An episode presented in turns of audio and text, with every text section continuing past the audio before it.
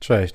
Dzisiaj opowiem o pewnym rodzaju zachowania, które znam w sumie bardziej z obserwacji innych niż ze swojego, e, swojego działania. A zacznę od historii. O, czy zdarza ci się na przykład myśleć o ewentualnych konsekwencjach swoich działań, ale nie tak, że zastanawiasz się, czy będzie dobrze, czy źle i po prostu zaczynasz działać, ale zaczynasz wymyślać negatywne scenariusze i szukasz rozwiązań na wszystkie rzeczy, które mogą się wydarzyć, albo na przykład nie wrzucasz swojego wideo w internet. Nagrałeś, nagrałaś filmik, który jest fajny i nie wrzucasz go w internet, nie wrzucasz go na Facebooka, żeby inni mogli go oglądać, bo wydaje ci się, że może nie być wystarczająco dobry. Ostatnio obserwuję też, bo mam małe dziecko, i, i zacząłem zwracać uwagę na to, ile jest dzieci na dworzu. Jest ich stanowczo mniej niż kiedyś. I mam taką teorię, że wynika to z tego, że rodzice są już trochę zastraszeni różnymi historiami. I jak wypuszczają to dziecko, któremu oczywiście zaraz może się wydarzyć tysiąc rzeczy,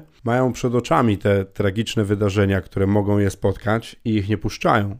Bo jak ja byłem mały, to na dworzu były watachy dzieci które wyrzucało się rano w lecie na dwór, potem trzeba było je siłą ściągać na obiad i szukać wieczorem, żeby wróciły do domu. Teraz tych dzieci nie ma. Ale chciałem powiedzieć, opowiedzieć dzisiaj o ciągłym myśleniu o ewentualnych konsekwencjach naszych działań i potrzebie analizowania wszystkiego, takiej mocno przesadzonej potrzebie analizowania i roztrząsania spraw. A nazywa się to paraliż analityczny lub overthinking zbyt dużo myślenia nad tym, co mamy zrobić, co robimy i nie podejmowanie działań. W tym wszystkim najgorsze jest to, że blokujemy się przed działaniem. Mamy do wykonania jakieś zadania, mamy coś zrobić, a nie robimy ich. I często nawet stajemy na, w momencie planowania tego, co mamy robić, bo tworząc plan, generujemy tyle różnego rodzaju odnóg takich potencjalnych rzeczy, które musimy zrobić, że to nas zaczyna przytłaczać. I nie tworzymy czegoś, co mieliśmy zrobione, bo jesteśmy przytłoczeni ilością rzeczy, które mamy do zrobienia. A z czego taka blokada i ten paraliż analityczny wynika? Bo może on dotknąć każdego z nas gdy jesteśmy na przykład zbyt mocno zestresowani lub na czymś nam bardzo zależy, ale są ludzie, są osoby, które po prostu żyją w ciągłym braku podejmowania decyzji i, i blokadzie przed działaniami, bo zbyt dużo myślą na temat y, tego, co się może wydarzyć. I mocno to utrudnia życie, a w biznesie często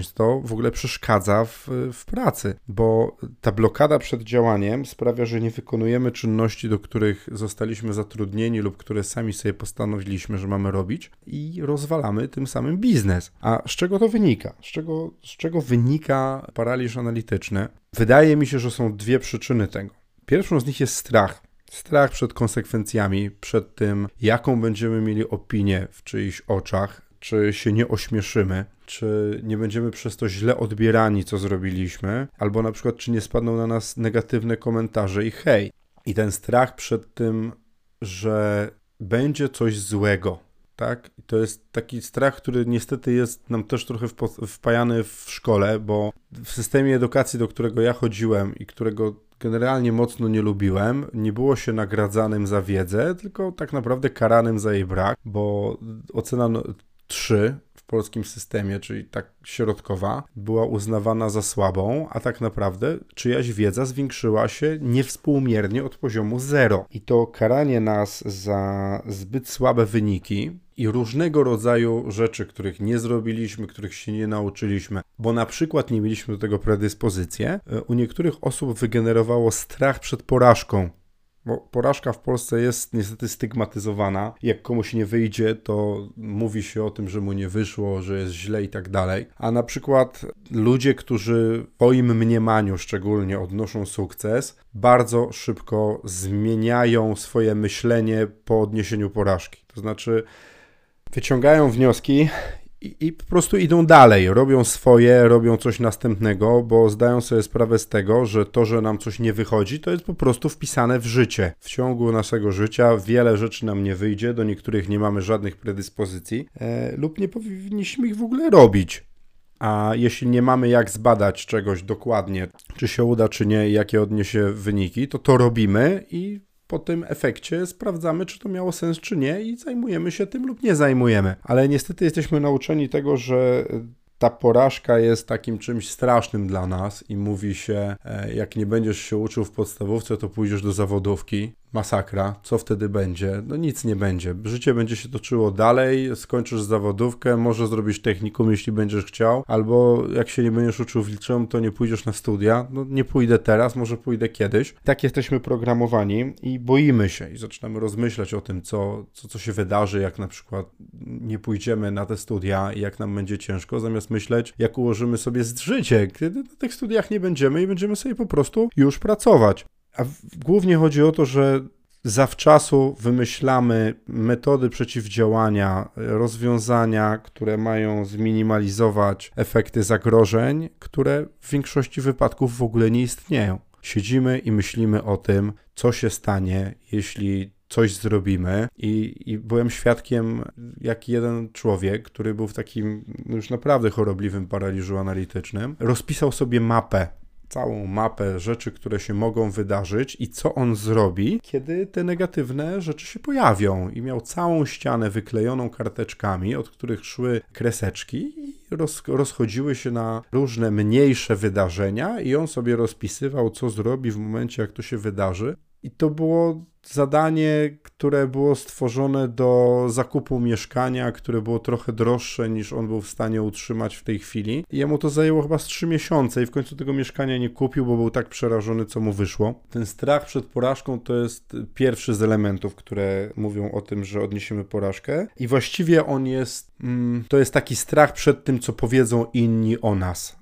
co, co świat, jak świat zareaguje na to, jak nam nie wyjdzie. I niestety przejmowanie się tym może nas wprowadzić paranoję, bo zawsze znajdą się ludzie, którym się nie będzie podobało to, co robimy. Tak po prostu jest. Są ludzie, którzy mogą być nam nieprzychylni. Ostatnio czytałem taką książkę Otoczeni przez psychopatów, gdzie jest powiedziane, że 3% mężczyzn i 0,5% kobiet na świecie to są psychopaci. W związku z czym te 3% mężczyzn i 0,5% kobiet po prostu może chcieć nam zrobić przykrość, bo tak. Więc się nie przejmujmy. A drugą przyczyną paraliżu analitycznego jest, ja to nazywam paraliż perfekcji. To znaczy, tworzymy sobie na przykład kurs wideo, jesteśmy bardzo fajni w czymś i tworzymy go przez rok zamiast przez dwa miesiące albo miesiąc. Dlaczego? Bo przeglądamy te ujęcia i nam się wydaje, kurde, tu źle spojrzałem mógłbym to zrobić lepiej. Albo czytamy zdania po 40 razy, czy ono nie mogłoby mieć lepszej składni. Takiej, wiecie, składni, która na pewno trafi do moich słuchaczy. W sumie jest to spoko, tak jakby się zastanawiać nad tym, co dostanie nasz klient, że dostanie coś świetnego. Coś takiego naprawdę wydumanego, zrobionego, przygotowanego i w naszym i w jego mniemaniu perfekcyjnego. Jest tylko jeden minus. Nie ma czegoś takiego jak perfekcja. Nawet naj, najładniejsi ludzie na świecie mają niesymetryczne twarze. O ileś tam procent lewa strona się różni od prawej strony. I wręcz gdy zrobi się tak, że się przerzuci lewą stronę na prawo i zrobi odbicie lustrzane, to człowiek wygląda dziwnie, jak jest idealny, jak ma idealną twarz. Tak samo jest z różnego rodzaju rzeczami, które tworzymy i produkujemy. Nie da się dojść do poziomu perfekcji, bo coś takiego jak perfekcja prawdopodobnie nie istnieje w rzeczywistości. To nie jest tak, że idealnym e, obiektem na świecie jest kula, tak? Bo jest kula, ma największą objętość w stosunku do swojej powierzchni, ale w życiu tak się nie da zrobić. Nie da się wytworzyć czegoś, co będzie perfekcyjne dla nas i dla innych, bo to, co ktoś uznaje za perfekcyjne, to dla nas to może być świetne, dla drugiej strony nie bardzo. Dlatego z założenia odniesiemy porażkę dążąc w takim kierunku. I ten paraliż dochodzenia do perfekcji z czymś już niejedną osobę doprowadził do de, de facto do porażki, bo tak długo było coś tworzone, że znalazł się po drodze ktoś inny, kto się nie zastanawiał i zrobił coś po prostu. Nie idealnego, nieperfekcyjnego w swoim mniemaniu, tylko zrobił coś, co, co po prostu działa i wyprzedził tych ludzi, którzy zbyt długo tworzyli jakąś perfekcyjną rzecz. Natomiast z perfekcją jest tak, że im więcej czasu na coś poświęcamy, tym to będzie droższe, bo tym więcej e,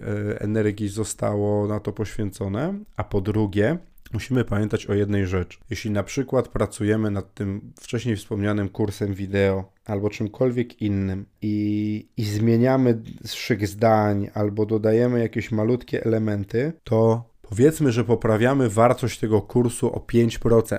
Czyli osoba, która nie wiedziała nic i jej wiedza nagle w skali do 100 wskacze z 0 do 80 a nie do 85 po tym, jeśli poświęcimy na to kolejne 3 miesiące działania, to w skali od 0 do 80 to dodatkowe 5 punktów ma już malutkie znaczenie, bo tak naprawdę większość wiedzy już została przekazana, a my próbujemy na siłę zbawiać świat i dodawać wartość, która już, która już nie ma wartości. A jaki wpływ ten paraliż analityczny ma na zespół? To jest też ważna rzecz. Dla lidera paraliż analityczny jest de facto śmiercią w zespole, bo lider musi być zdecydowany e, i ma dawać ludziom dookoła poczucie, że wie dokąd prowadzi firmę, zespół lub jakiekolwiek inne przedsięwzięcie, którym się zajmuje. Lider ma podejmować decyzje względnie szybko na podstawie danych, które ma lub poprosić o dane, i podjąć decyzję. To robienie takich brainstormów, które są na przykład bardzo polecane w turkusowych organizacjach, działa, ale tylko wtedy, jeśli mamy na to zaplanowany czas i przestrzeń i miejsce do robienia takich analiz, że sobie pytamy ludzi, co teraz powinniśmy zrobić. Jeśli to ma trwać długo, a w cudzysłowie i fantazyjnie opisując,